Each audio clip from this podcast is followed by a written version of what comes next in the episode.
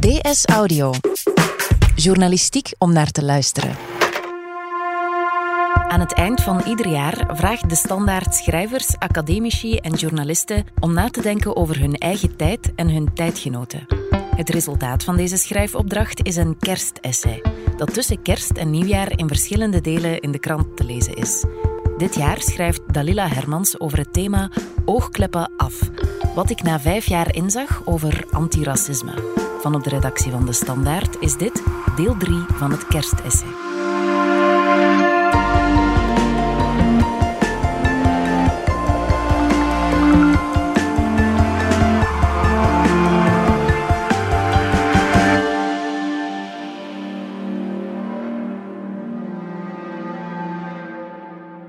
Er valt over alles te praten. Die zin heeft mijn vader heel mijn jeugd herhaald. Hij leerde zijn kinderen actief te debatteren. Als we iets wilden, moesten we met goede argumenten over de brug komen. Dat begon al vroeg. Ik herinner me dat ik en mijn vriendinnen, toen een jaar of negen, op een middag wilden gaan zwemmen in het zwembad van Arendonk, zo'n acht kilometer verderop. Mijn ouders waren daar niet happig op, want er was ook een zwembad in ons dorp. De vriendinnetjes legden zich er meteen bij neer. Maar ik had geleerd hoe een debat werkte. Ik maakte een lijstje met redenen waarom het zwembad in Arendonk toch net iets leuker was en een lijstje met tegenargumenten die mijn ouders zouden geven. Mijn vader leunde achterover, aanhoorde mijn pleidooi en onderdrukte ongetwijfeld een lach. Na een korte discussie zat hij met drie vrolijke meiden op de achterbank in de auto richting Arendonk. Heel vaak werkte het ook niet en leerde hij ons aanvaarden dat je niet altijd je gelijk haalde. In mijn puberjaren vond ik altijd discussiëren vreselijk vermoeiend en overbodig. Ik ben wel eens stampvoetend van tafel weggelopen.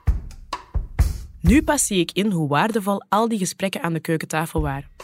Ik heb erdoor geleerd in gesprek te gaan zonder te roepen of emotioneel te worden. Mijn professionele carrière begon aan de balie van jeugdtheater Het Paleis. Daarna ben ik, na een geschiedenis van vrijwillig engagement in de jeugdbeweging, in de jeugdsector terechtgekomen. Jarenlang was ik vormings- en communicatiemedewerker voor een aantal organisaties.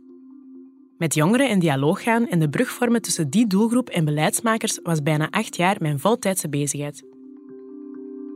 Ik dacht dat wat ik na mijn uren, s'avonds en in de weekends deed, een aanvulling was op die rol van bruggenbouwer.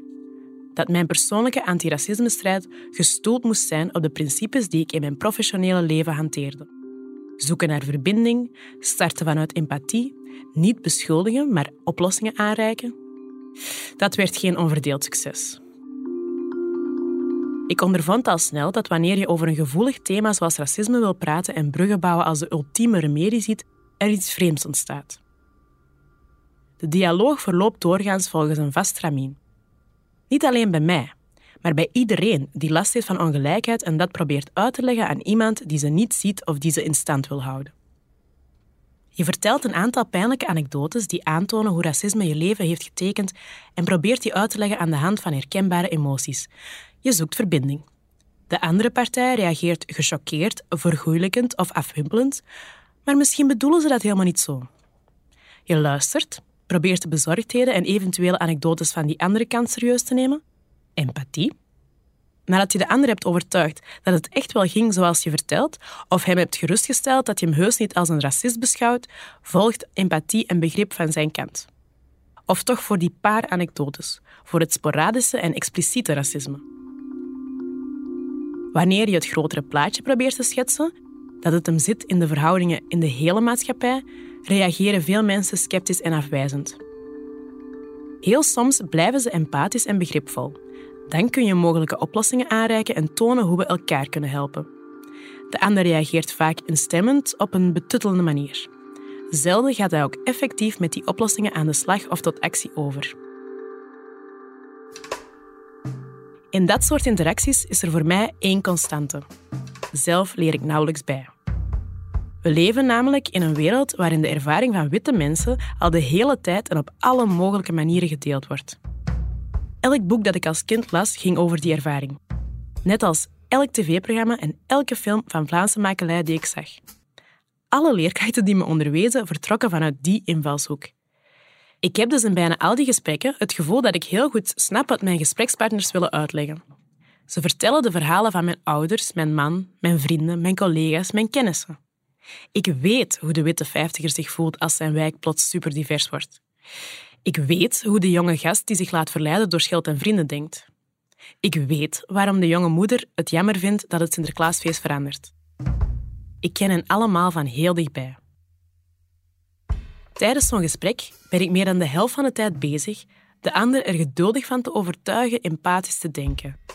Voor we op het punt belanden dat de dialoog effect heeft, dat de ander je begrijpt en ook actief wil meehelpen je situatie te verbeteren, heb je doorgaans al heel wat tijd en emotionele energie geïnvesteerd. De keren dat je niet op dat punt raakt, zijn veel talrijker dan de keren dat het wel lukt.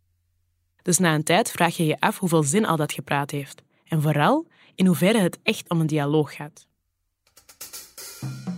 Mijn heilige geloof in bruggen bouwen brokkelt af. Want vaker wel dan niet ben ik de enige die echt over de brug komt. Twee jaar geleden raadde een goede vriend me een boek van Bart Brandsma aan. Polarisatie, inzicht in de dynamiek van wij-zij-denken. Het boek toont de processen die polarisatie op gang brengen. Brandsma maakt een onderscheid tussen het stille midden, de pushers, de joiners en de bruggenbouwers. De pushers zijn mensen met een extreme mening aan beide kanten van het spectrum. De joiners volgen een van beide kanten. Het stille midden is op de hoogte, maar neemt geen standpunt in. De bruggenbouwers proberen de pushers aan weerszijden te begrijpen en het stille midden inzicht te geven. Ik werd en word heel vaak gezien als een pusher, net zoals veel andere mensen die ongelijkheid aanklagen. De mensen die het met mij eens zijn of mij volgen, zouden dan joiners zijn. Op die manier zou ik lijnrecht tegenover een andere pusher staan. Tijdens interviews werd mij al een paar keer gevraagd of ik eens niet met Dries van Langenhoven of Tom van Grieken in debat zou willen gaan. Maar, en daar wringt het schoentje, ik ben geen pusher. En ik heb geen joiners. Antiracisme zoals ik het zie, is niet het spiegelbeeld van racisme of extreem rechts. Zo radicaal ben ik helemaal niet. Ik predik geen black supremacy en roep niet op om witte mensen te haten. Ik probeer het stille midden, waar in onze superdiverse samenleving ook heel wat mensen van kleur zich bevinden, aan te spreken. En te duiden wat de pushers aan het doen zijn, zodat potentiële joiners opnieuw naar het midden kijken, opnieuw naar het gezamenlijk belang. Antiracisme is, in tegenstelling tot wat sommige progressieve denkers al eens willen poneren, geen strijd van slachtoffers van racisme alleen. Het is de oproep tot een broodnodige systeemswitch. Een mentaliteitswijziging die ertoe zal leiden dat mensen van kleur hun volle potentieel kunnen en willen bereiken en dat iedereen opnieuw de samen in samenleving kan en mag ervaren. Want de realiteit is natuurlijk dat Vlaanderen nu al superdivers is. We zouden de bijdrage die migratie ons gebracht heeft op geen enkele manier meer kunnen wegdenken uit onze maatschappij. De klok terugdraaien is onmogelijk. En alleen tolerant zijn voor nieuwe Belgen die zich volledig assimileren volstaat niet.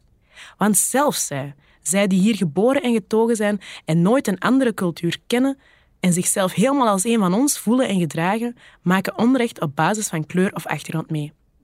Zelfs zij moeten 75% van de dialoog spenderen aan pijnlijk gedetailleerd en tergend langzaam empathie opwekken. Dat iemand als ik weerstand opwekt bij sommigen, heeft deels hiermee te maken. Tegen mij kan niemand zeggen dat het de islam, de taalachterstand, het niet willen aanpassen, het jobs komen afpakken was, die maakte dat ik me zo bezorgd uitte over racisme. Mijn platte Kempische accent, mijn gekookte aardappels, rosbief en bloemkool, mijn fluitje en sjaaltje van de KSJ, mijn mooie rapporten en fijne leerkrachten, mijn pintjes hijsen op de tentvuif en liefjes zoenen achter het jeugdhuis. Ze hebben me niet beschermd. Ik ben de afgelopen vijf jaar voortdurend in dialoog gegaan over dit onderwerp. Niet zoals de meeste mensen alleen online in de commentaarsecties of achter mijn laptop in teksten voor kranten of boeken. Ook ontzettend vaak in het echt. Ik heb in het gezicht gekeken van mensen die me online belaagden en mijn hand uitgestoken en gevraagd of we konden praten. Ik heb in panelgesprekken gezeten met rechtse politici die mijn naam in blogposts of opiniestukken hebben besmeurd. Ik heb actievoerders die mijn lezingen kwamen verstoren uitgenodigd op het podium. Ik heb mensen die ongevraagd met me komen discussiëren als ik in de trein of op een terras zit, beleefd te woord gestaan. Ik heb mensen die het N-woord naar me riepen, terwijl ik op een podium stond, achteraf aangesproken. Ik heb slachtoffers van racisme, vaak jongeren, die me hun woede, frustratie of verdriet meedeelden bij mij thuis uitgenodigd. Of ik ben hen gaan opzoeken in hun scholen om een klasgesprek te hebben. Af en toe heb ik de gesprekken die ik zo voerde, on of offline, gedeeld met mensen op sociale media.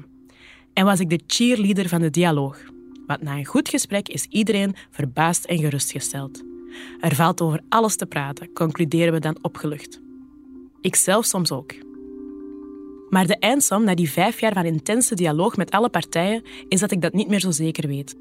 Soms is eindeloos bruggen bouwen, er zelf overstappen en de ander voorzichtig een klein stukje aan de hand meenemen heel veel werk voor heel weinig resultaat. Er valt misschien over alles te praten, maar praten alleen is niet genoeg. Zeker niet als je de enige bent die ook echt aan het luisteren is.